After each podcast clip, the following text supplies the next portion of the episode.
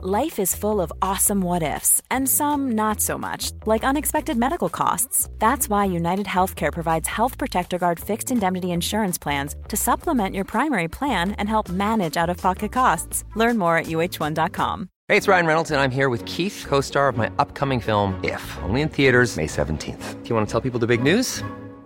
All right, I'll do it. Sign up now and you'll get unlimited for $15 a month in six months of Paramount Plus Essential Plan on us. Mintmobile.com slash switch. Upfront payment of $45 equivalent to $15 per month. Unlimited over 40 gigabytes per month. Face lower speeds. Videos at 480p. Active Mint customers by 531.24 get six months of Paramount Plus Essential Plan. Auto renews after six months. Offer ends May 31st, 2024. Separate Paramount Plus registration required. Terms and conditions apply if rated PG. Hallo, mijn naam is Gijs Groenteman en dit is weer een dag, de podcast waarin ik elke dag 12 minuten, ik houd bij me de kookwekker, bel met Marcel van Roosmalen.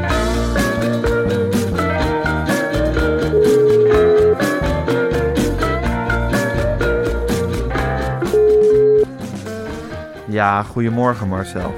Goedemorgen, Gijs. Goedemorgen Marcel. God, heb ik genoten van die vergadering gisteren van Media Insight. Ik ook hoor. Het is toch wel echt als zo'n televisieprogramma, als die trein gaat rijden. En dan zit je, zit je voorin in de cockpit bij de conducteur. Ja, En dan, eh, dan begint, hij, begint hij vaart te maken. Hè? Zometeen als het eenmaal zondagavond is, dan is hij, is hij op volle snelheid. En nu begint hij echt zo vaart te maken. En dan denk je, wat een gevaarte is het toch eigenlijk ook, hè? ja maar Wat dit was echt... eh, wij zaten tegenover elkaar aan de twee hoofden van de tafel. De Ja. ideeën vlogen over en weer. En af en toe wees je met je hand. Productie, is dat in orde? Ja, productie klaar. Redactieakkoord, prima. En dan Ja. moet ik nog een paar keer herhalen voor Masboom. Een, een gezagsvoerder die altijd dat toestel weet te landen. Maar Zeker. je bent altijd nog een beetje bang hoe die gaat landen. Dat is het ook zo. Ja, want je- hij schrijft alles op wat er gezegd wordt Ja. in zijn schrift. En je denkt af en toe van, heeft, krijgt hij nog precies mee wat er gebeurt? Maar dan blijkt altijd op de dag van de opname of de uitzending... Ja, dan blijkt alles in kannen en kruiken te zijn... en gewoon gesmeerd te lopen. Maar dat is altijd een spannend moment. Het is een heel spannend moment. Ja. En ik vond dat we daar heel mooi en gestroomlijnd doorheen liepen. Eh, Nadia Moussaïd is eh, ingepraat. Ik heb gehoord dat Rutger Kastrikum is ingepraat. Eigenlijk Ja, is alles klaar. staat is popelen. klaar. Eh, nou, wij hebben het ons suf gerepeteerd eh, met Ja. z'n tweetjes. Van, Ja. eh, nou ja, om toch ook zonder autocues dingen te gaan doen. Zeker. En nu is En het ik- gewoon, nu hebben we nog twee volle dagen voordat de uitzending, voor de dag van de uitzending.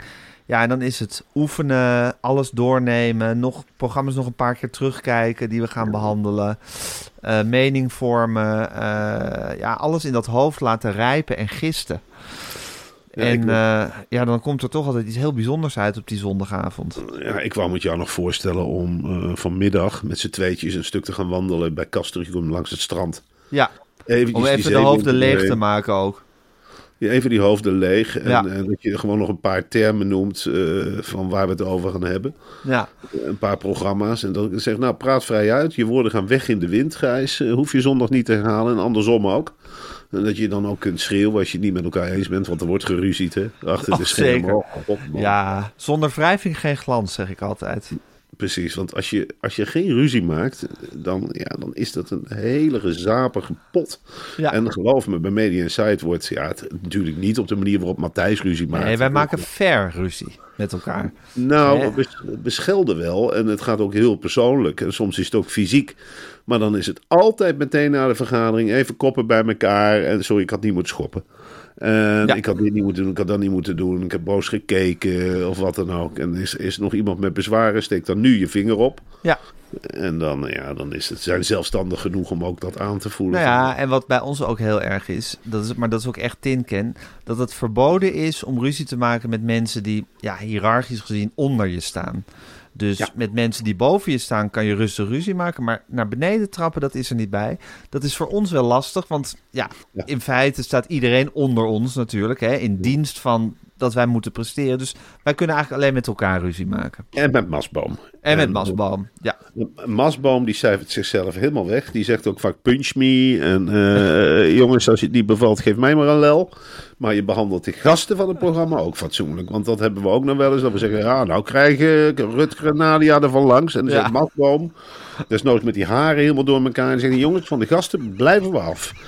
Die komen hier en die krijgen maar heel weinig geld. En die komen hier en die hebben ook een boodschap. En ze zijn te gast. En Ja. wij zijn de gastheer en vrouwen. Ja. Ja. Nee, dat is heel duidelijk. En dat is, eh, maar dat is wat Tinken echt... eh, als je bij Tinken een programma gaat maken... dan krijg je die, die red soort gedragscode is het eigenlijk. Hij staat niet eens echt Ja. op papier... maar dat wordt je heel duidelijk gemaakt van zo werken wij hier. Ja. Ja, en een angstcultuur is het absoluut niet. Nee, het is eerder tegenovergestelde. Ja. Je hebt daar heel veel mensen zitten bij Tinken die bij een normaal televisieproductiebedrijf. Eh, ja, dan hadden ze een andere functie gekregen of waren ze van het ene naar het andere programma verplaatst. En hier is het zo van nee, je hebt je plekje achter je bureau en geef maar aan wat je wil. Geef maar aan als je er klaar voor bent. Maak maar een schema. Ze hebben ook allemaal hele grote whiteboards. Ja. En dan daar plakken ze plaatjes op van tv-presentatoren die ze bevallen of niet bevallen. Soms vraag je dan, god, wat heb je, wat heb je veel zitten knippen in de roddelbladen? Wij slaan, nou, dat weten ze niet. Vond ik gewoon leuk om te doen. En ik maak clusters. En dan denk ik ook, laat ze. Laat ze broeien. Laat ze die ideeën stormen. Want het is een hè? ideeënstorm. Ik lees ook die memo's wel eens. Dan hebben ze dus ideeënmiddagen. En dan is het echt van op het dakterras. Van, dan wordt er heerlijk gekookt. Want dat kunnen ze daar. En dan beginnen Ja. ze allemaal te schuimen en te doen. En ik heb dit idee. En als we nou eens wilde beesten in een kooi zetten. En ik roep maar iets geks met drie BN'ers erbij. En wie ontsnapt er het eerst? Met quizvragen. En ja, ze kijken alles. De Floor is echt een programma wat daar hele hoge ogen scoort. Hè, op die Tinken redactie. Oh, dat vinden ze Ja. allemaal spannend. Heb je de Floor weer gezien? Ja. Oh, Daar appen ze wel. maar over door de hele dag. Ja. En dan zitten wij midden in die appstorm. Die appstorm over de floor, die gaat maar door de hele dag. Ja. Nee, maar het is een ont- ontzettend prettige plek om te werken. Maar goed, wij moeten, wij moeten af en toe ruzie maken. En dan gaan we naar Castricum en dan is het eh, het hoofd leegmaken. En alle, alle informatie die we in ons opgeslagen hebben, die gist dan en die eh zuist dan rond. Maar goed, Marcel, ik kijk er ontzettend naar uit. Naar, eh, naar de eerste uitzending van aanstaande zondag. Met kiespijn zal ik hem doen. Want Ja. oh, oh, oh, die wang is aan het opzwellen. Het zou ook zomaar kunnen dat hij met een dikke wang op tv zit. Nou Ja, dat is natuurlijk ook eh, legendarisch zou dat zijn.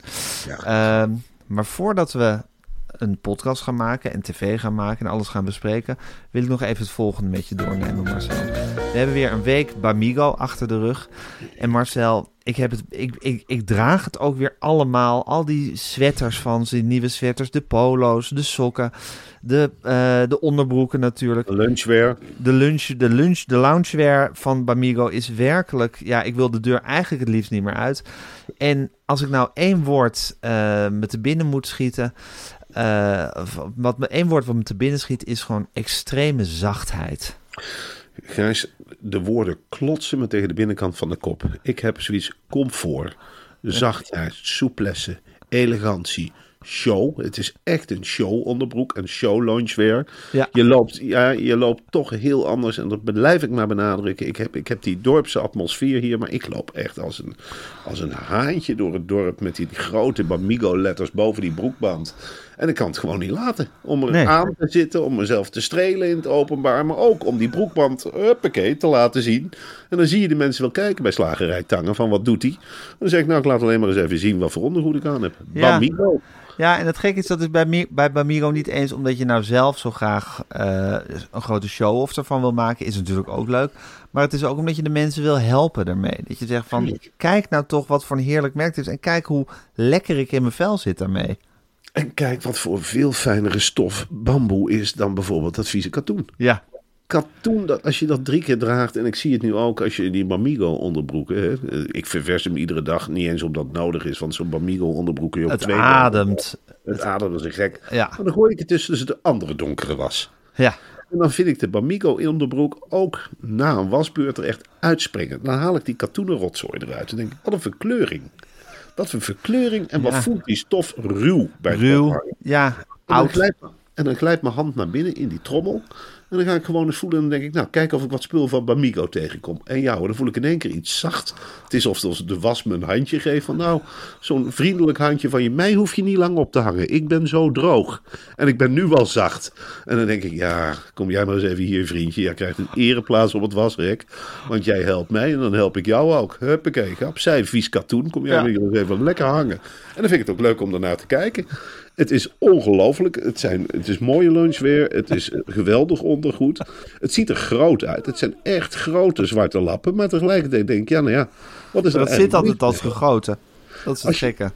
Ja, want je kunt zeggen van, goh, ethisch gezien zou je een kleinere onderbroek willen. Maar ik vind zo'n grote onderbroek, als hij zo lekker zacht is, je bovenbenen krijgen ook wat. Je, je profiteert allemaal mee. Dit is gewoon de onderbroek die ik wil en zo is het gewoon. En Bamigo, wat mij betreft is mijn leven echt opgedeeld in een leven voor bamboe en een leven na bamboe. Na bamboe, ja. En toen, vanaf het moment dat ik bamboe ben gedragen, dra- loop ik gewoon een stuk zelfverzekerder en prettiger door het leven. En Ik het is iets wat ik iedereen gun. Ik, eh, ik praat er ook heel veel over. En niet omdat ik nou zo graag over ondergoed praat, helemaal niet. Ondergoed Nee. heeft nooit een rol in mijn leven gespeeld. Nooit. Tot je op een dag een Bamigo onderbroek aan hebt. Ja. En dan ga je in één keer een verschil voelen en dan wil je daar wel over praten. En dan zeg je, ja, sorry dat ik weer over ondergoed begin, maar dit zit ontzettend lekker. Ja, Dit zit ontzettend prettig. ja. En ik, ik denk dat er ook, ja, eh, ik hoop, het is niet eens zo vlot of zo. Ik hoop ook gewoon dat mensen in verzorgingstehuizen Bamigo ondergoed aankrijgen. Dat, dat zie je vaak, die moeten hun eigenlijk in de, in de, de laatste fase van hun leven worden ze geacht om hun ondergoed ook maar op te maken. Terwijl ik denk, nou ja, je kunt ook iets zijdezachts aankrijgen en dan heb je een hele leukere week. Zeker. Zeker. En het goede is, Marcel, dat eh, wij verkondigen graag het woord van Bamigo. En hebben zelf een leven voor Bamigo en na Bamigo, of tijdens Bamigo, daar zitten we nu in. Maar het goede is dat voor iedereen is kennismaken met Bamigo eigenlijk heel erg makkelijk. Want je gaat maar naar bamigo.com. Je gaat op die website alles aanklikken waar je zin in hebt. Eh, en ik zou zeggen, koop eens een mooie voorraad, want je hebt er plezier van en je doet er lang mee.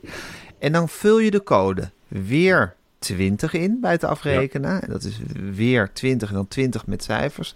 En dan krijg je maar liefst 20% korting op die hele bestelling. En die- En dat is toch een hele mooie manier van binnenkomen met Bamigo. Nou, ik vind het een heel mooi gebaar van Bamigo. Want wat Bamigo eigenlijk zegt naar de klanten, naar de bevolking toe, is Ja. van... Wij willen graag dat jij ons ondergoed draagt. En we hoeven daar in eerste instantie geen winst op te maken. Nee. Die gaat volledig naar de klant zelf. Je krijgt eigenlijk zo'n hele royale onderbroek voor kostprijs. Daar komt Ja. het eigenlijk op neer. Het management het van Bamigo treft daar, ja, trekt daar helemaal geen profijt van. Die hebben zoiets van, nee, neem mee, trek aan en voel hoe plezierig het is. En het enige wat ze dan vragen is om het misschien eens even rond te snavelen. Om te zeggen van, nou, we hebben nou met korting een hele mooie onderbroek. En we hebben nog nooit zo'n fijne onderbroek gehad. Ik zeg dat is op een feestje. Zo is Tupperware ook begonnen. En ik geloof heel erg in deze strategie van Bamigo. En ik ben er trots op dat wij als ambassadeurs van Bamigo deze korting ook gewoon weg mogen geven. Precies. En daarom zou ik zeggen, mensen, ga gewoon naar die website. Doe je bestelling en pak die korting. Je doet jezelf en ons er een heel groot plezier mee. Nou goed, dat gezegd hebbende Marcel, ga ik nu de kookwekker zetten. En hij loopt. Ja, ik las een bericht waar ik al eigenlijk een paar dagen lang helemaal van ondersteboven ben. Je weet de Neandertalers, hè? dat waren de mensen die eigenlijk voor ons geleefd hebben. Of het waren een soort pre-mensen waren dat. En ja, we hebben altijd gedacht dat dat, dat dat wezens waren die nogal op zichzelf waren en helemaal niet zo ontzettend slim waren. Maar die blijken ontzettend goed met elkaar samengewerkt te hebben. Wist jij dat? Ik, eh, ik wist het wel een beetje. Ehm, er is een studie en die volg ik. eh, we hebben in Nederland een archeo- archeoloog, Wil Roebroeks. Ja. En die werkt mee aan een internationaal onderzoek. En uit dat onderzoek blijkt, Gijs, iets wat ik al wel vermoedde, dat de Neandertalers ongelooflijk goed samenwerken. Wat je had in die tijd van de Neandertalers, bijna niet voor te stellen, maar als echt een bosolifantenplaag. Je kon het bos nog niet in, of er kwam weer een kudde bosolifanten aanlopen. En bosolifanten, dat weet jij ook, die stampen en, Ja. en boom, bomen die knakken om als Het zijn lieve dieren om te zien, maar als het er te veel zijn of als je te dicht bij eentje komt, dan is het echt niet prettig. Nou, eh, je moet je die bosolifanten voorstellen. Kijk, we kennen allemaal de situatie in Artis. En dan hebben we allemaal dat idee van, och, wat leuk, een olifantje. Ja. Maar vermenigvuldig dat in je hoofd is met duizend. Ja. En laat die groep eens op je afkomen. En zet het dan eens van die horens op die neushoorns normaal hebben. Ja. Nou, dan ben je niet al zo enthousiast over de bosolifant. En de Neandertalers waren beslist niet enthousiast. En er is altijd gedacht, de Neandertaler die zit maar in zijn grotje. En die probeert vuur uit te vinden. En die vangt eens een beest. Nee, de Neandertalers, ze hadden geen mobiele telefoons, maar ze hadden wel een communicatiemiddel. Als er een kudde bosolifanten aankwam, waren de Neandertalers solidair. Dan zijn ze vrouwen bij elkaar in de grot. We dekken het af met een hele grote steen. En het waren geen Fred Flintstones die en Barney die overal een puinhoop van maken. Nee, ze verspreidden zich en ze communiceerden op een hele slimme manier. En ze probeerden die bosolifanten af te leiden, bijvoorbeeld door ze naar een te lokken en dan snel opzij te springen met de hele groep. En dan lag er weer een kudde van 20, 30 bosolifanten ergens beneden in het ravijn. En wat deden die Neandertalers ook? Dan vierden ze een feestje met elkaar. Dus ze gaven elkaar high fives.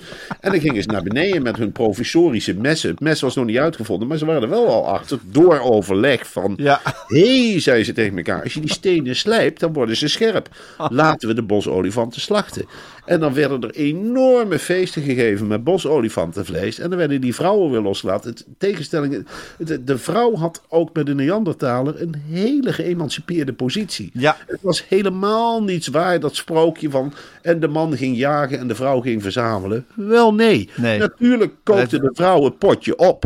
Maar dat ging in samenwerking. De Neandertaler waren ongelooflijk modern. Hè? De Neandertaler man zorgde vaak ook voor de kinderen. Er waren in die tijd professorische crèches in het bos. Neandertaler papa-dag had je ook eigenlijk. Neandertalen papadag. Ja. Maar dat deden ze niet alleen. In tegenstelling wat wij doen. Wij zitten vaak alleen te hannissen. Wel nee, de Neandertaler die legde wat bomen in een cirkel. En die gebruikten ze als bankje.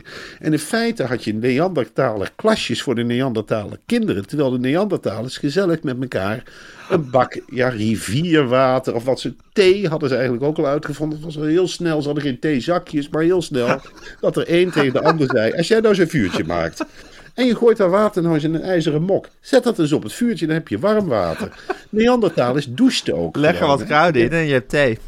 Natuurlijk. Ja. Neandertalers hadden eigenlijk een hele comfortabele douche. Ze hadden eigenlijk een heel comfortabel leventje. Nou, die Wil Roebroeks, Die is er helemaal is achteraan gegaan. Nou, die heeft wel ontdekt hoe het werkelijk in elkaar zit. Die is olifantenskeletten gaan onderzoeken en die heeft dat eens doorboord. En die heeft gezegd, verrek, de bosolifant, die was bang. Dat zie je aan de gedrongen botten. En toen is ze weer verder gaan boren in die skeletten. En ze zegt, Ja. "Ik ben bang geweest voor Neandertalers. Ja, En toen is ze op dat onderzoekscentrum gekomen. het is een hij trouwens, Wilhelbroek. Oh, nou, hij. maakt niet uit. Ik, in wetenschappelijke kringen is, wordt al lang niet meer van hij of zij gesproken. Het is een, ja, een Wil Roebroeks is gewoon Wil Roebroeks. En Wil Roebroeks heeft gezegd van laten we die hele beeld van de Neandertaler, laten we het in godsnaam eens laten vallen. En dat is gebeurd. En ik ben er wel trots op dat een Nederlander, of een Nederlander is het, hè? Ja. Eh, dat die, eh, nou ja, dat die ja, een heel beeld. is- Wil Roebroek zegt ook van één zo'n bosolifant. Weet je hoe zwaar die was? En daar heb je geen idee van. 13 ton. Dat is groter dan, zwaarder dan een vrachtwagen. Er zit zo'n hele college als je met open mond ernaar te luisteren. Ja, het, Ja. Roebroek is geen native English speaker. Nee. Moet je nagaan, dan gaat dat in dat gehavende Engels. En dat, dat beukt hij op, op die groep studenten internationaal. En dan, die weten niet wat ze horen. En die denken van, oh, goh, dit gaat wel in het Engels. Het is soms niet helemaal te volgen, maar wat is dit indrukwekkend. Zeker als hij ook plaatjes laat zien, bijvoorbeeld van Neandertalers met een föhn. Dan kun je haast niet geloven, weet je wel. Dan zaten ze elkaar de haren te kammen. Neandertalers. Dat hele beeld van wat je hebt met die kerels met een knots, met een vel om. En vrouwen die daar maar lagen te verzamelen. Dat gaat helemaal weg. Het waren ongelooflijk ijdele vogels. Ze gingen ook daar bestappen, Neandertalers. Dat heeft Wil Roebroeks ontdekt. En die zegt ook, er was eigenlijk maar één gevaar voor die Neandertaler. En dat was die bosolifant. Laat ze nou door samenwerking die hele bosolifantenkolonie om de tuin hebben geleid. En zelfs die in geslaagd zijn. Want nu vinden we het erg hè, als een diersoort uitsterft. De Ja. Neandertalers die waren er juist op uit. Ja. Die waren erop uit om andere diersoorten te laten uitsterven. Eigenlijk een heel gezond principe, want die dachten, dan blijft de mens over. Ja, En dan wint de mens. En dan trekken wij nu nog profijt van. En wat ik zo knap vind, is dat Wil Roebroeks, dat de NOS, zo'n gerenommeerde wetenschapper, die hebben ze dan toch maar mooi op weten te sporen. En daar hebben ze een heel mooi bericht van gemaakt. Het is weer een van die stagiairs die de provincie intrekt. Maar dan denk ik wel van ja, dit kan dus Chapeau. ook NOS. Chapeau. ja, echt chapeau. En het heeft mijn blik op de Neandertaler helemaal veranderd. Maar in positieve zin. En een beetje goed nieuws eh, is af en toe ook welkom. Ik las ook nog dat het koningspaar eh, met hun dochter Amalia... die zijn nu eh, op, op Curaçao, hè, geloof ik. Ja, die en die zouden aan het schilderen gaan. Maar dat is uiteindelijk niet gebeurd. Dat vond ik dan weer een verrassend, ja, wonderlijk bericht eigenlijk. Nou ja, eh, ze hebben die neiging. Hè? Dat komt, eh, is het bij Beatrix ontstaan. Op een zeker moment is dat schilderen in die koninklijke familie Ja. gekropen. En dat is, nou, dat heeft tot macabere projecten geleid. En eh, Beatrix heeft op een zeker moment een hele kleurrijke fase gehad. En die is gaan boetseren, die is gaan schilderen enzovoort. En Willem-Alexander, die weet van gekkigheid af en toe ook niet eh, wat hij moet doen. Die wordt daar eh, wakker op dat Four Seasons op Aruba. En die zegt tegen eh, Maxima, ik zou wel zin hebben om iets te schilderen. Maxima zegt terecht van, nou je kunt niet schilderen. Je, je moet, iedereen kijkt mee, je moet niet gaan tekenen. Toen zei hij van, nou zullen we dan een beeld gaan beschilderen. Maar ja, dan ga je toch als een soort hork door een porseleinkast. Want je Ja. weet, ieder beeld wat daar staat, dat heeft een bepaalde... Dan kun je als Wit Koningshuis, daar kun je niet zomaar intreden, Gijs. Nee. In, die, in die belevingswereld, dat moet je echt... eh, als je in het buitenland bent, welk buitenland ook het is... Als het België is, is het België. Maar dan ga je ook niet... Als jij en ik in België zijn, gaan we ook niet standbeelden beschilderen. Nee. Dat, dat, dat moet je niet doen. Nee, je bent een gast en je, je gedraagt je. Je gaat niet de boel zitten onderkliederen. En eh, er werd al met argusogen gekeken eh, naar dit bezoek. En toen hebben mensen in die omgeving wel gezegd van... Luister, eh, koning Willem, of hoe je ook genoemd wordt... Als jij standbeelden gaat beschilderen of je gaat iets anders beschilderen... dan krijgen we weer een boel kritiek. Dat moeten we niet doen. Kom, we gaan lekker lunchen. En dat is gebeurd. Hij, gaat, heeft heerlijk zitten snoepen. Hij heeft... eh, eh, nou, daar mag hij ook de vrije hand in hebben. Dat wordt niet gefilmd. En wat hij dan vaak doet, is het fruit op kleur leggen. En dan kun je er ook een gezichtje van maken. En dan ben je ook die, die creativiteit kwijt. Kwijt, precies. En dan kun je ook met elkaar over andere dingen praten. Dan alleen maar interesse tonen. Want dat is natuurlijk ook wel eens moeilijk. Want dat zit erachter bij Willem-Alexander of bij de koning. Ja. Hij moet de hele dag interesse tonen. En ik heb daar al moeite mee. Maar hij heeft heel erg die behoefte. Als mensen ook eens een keer, dat zegt hij ook. In perso- persoonlijke kring zegt hij ook van. Ik zou het wel eens fijn vinden als mensen aan mij vroegen van. Goh, hoe voel jij je op dit eiland? Ik moet de hele tijd maar op allemaal eilanden vragen hoe de mensen zich voelen. Hoe hebben ze dat nog gemaakt? En werkt u met echte klei? En wat zijn dat voor huisjes? En komt de zee hier op het strand? Wanneer is het eb? Wanneer is het vloed? Hij heeft wel eens behoefte aan mensen die een vraag aan hem Ja. stellen. Ja. Dat ze aan hem vragen van, goh, Wat bezielt jou? Wat, wat, wat, houdt je bezig? precies, wat zijn je hobby's? We weten dat in feite helemaal niet. En dat Nee. kan eigenlijk alleen maar in die beslotenheid van die steeds maar uitdijende koninklijke familie. Daar kun je dat wel. En dat is natuurlijk voor die mensen heerlijk dat je een keer onbespied, hè, dat de fotograaf je even met rust laat, dat je dan lekker een kop koffie zit te drinken. En dan vervalt die schilderneiging, die dus latent aanwezig is, die vervalt totaal. Ja, die vervalt totaal. Marcel, ondertussen is het natuurlijk rommelus bij Ajax. Of dat wil zeggen, de trainer is ontslagen. Johnny Heitinga is, eh, is aangesteld. Nou, we hebben het daarover gehad. Ik Ja. hoorde nu dat Dwight Lodewegens als, eh, als assistent is aangetrokken. Dat is eigenlijk ja, een soort wat oudere heer die altijd als assistent wordt aangetrokken overal. Ja, ik, ik krijg er niet echt een Ajax-gevoel bij. Ik vind het Ajax onwaardig. En dan doe ik niks af aan eh Dwight Lodewegens. Nee.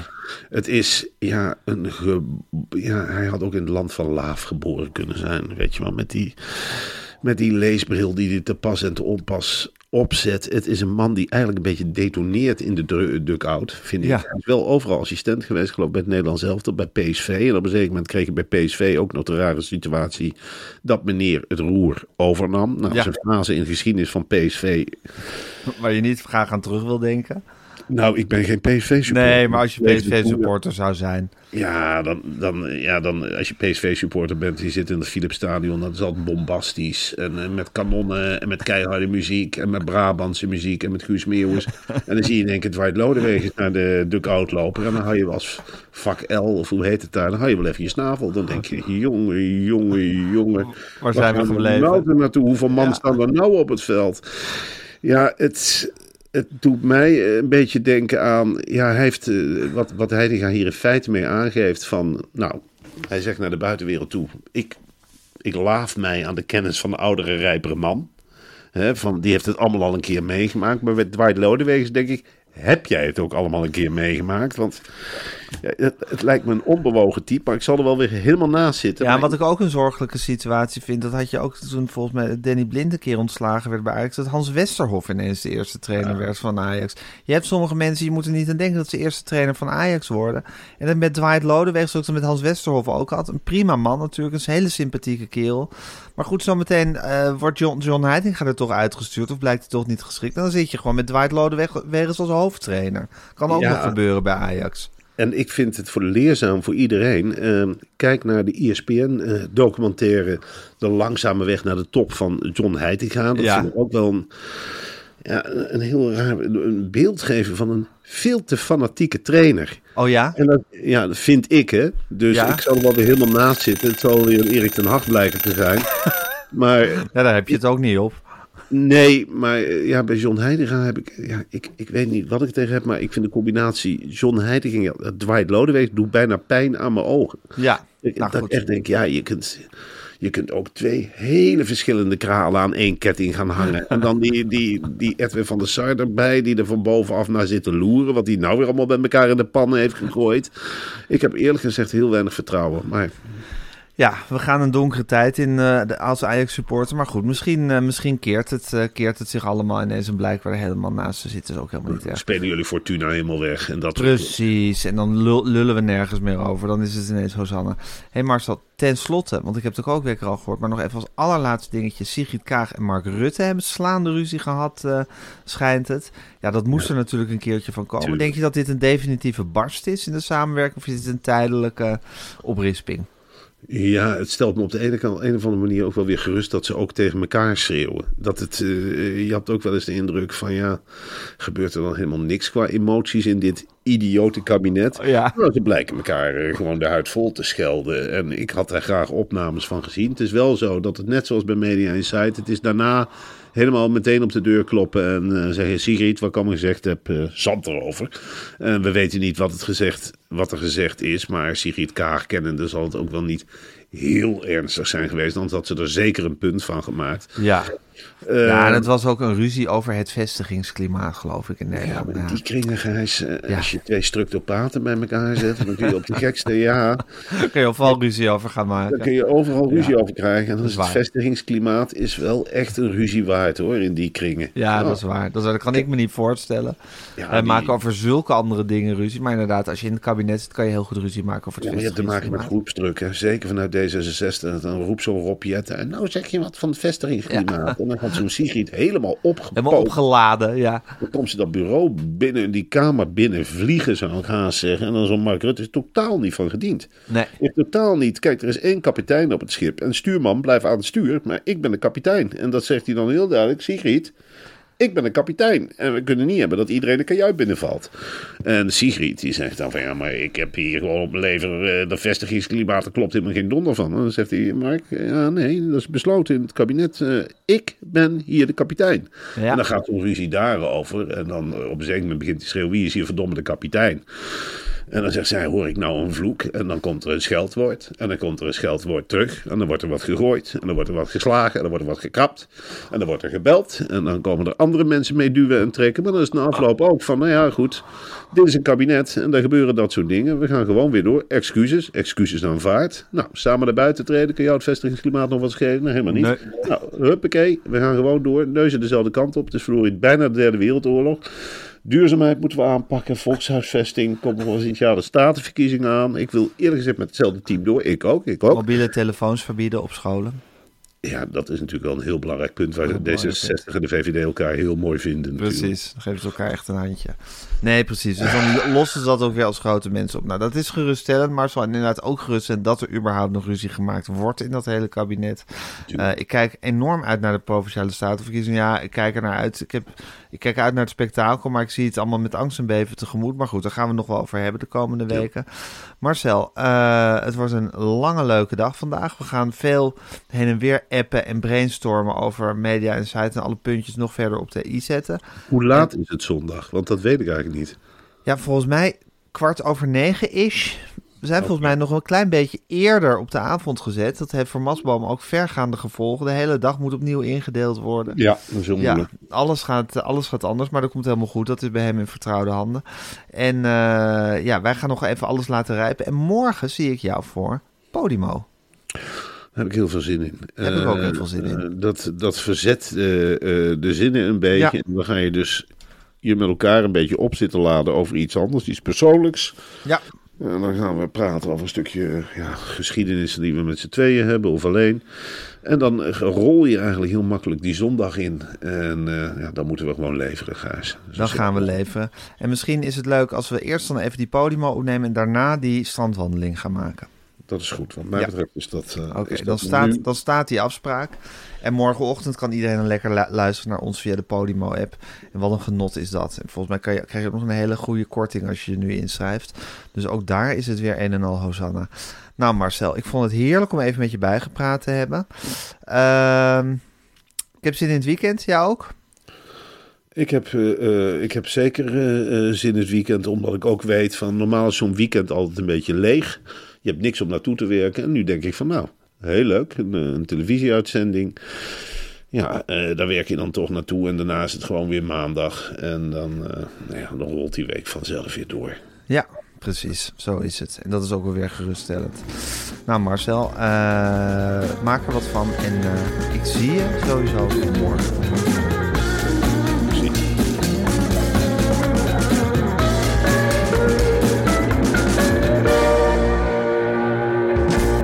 Dit was een podcast van Meer van Dit. Wil je adverteren in deze podcast? Stuur dan een mailtje naar info@meervandit.nl.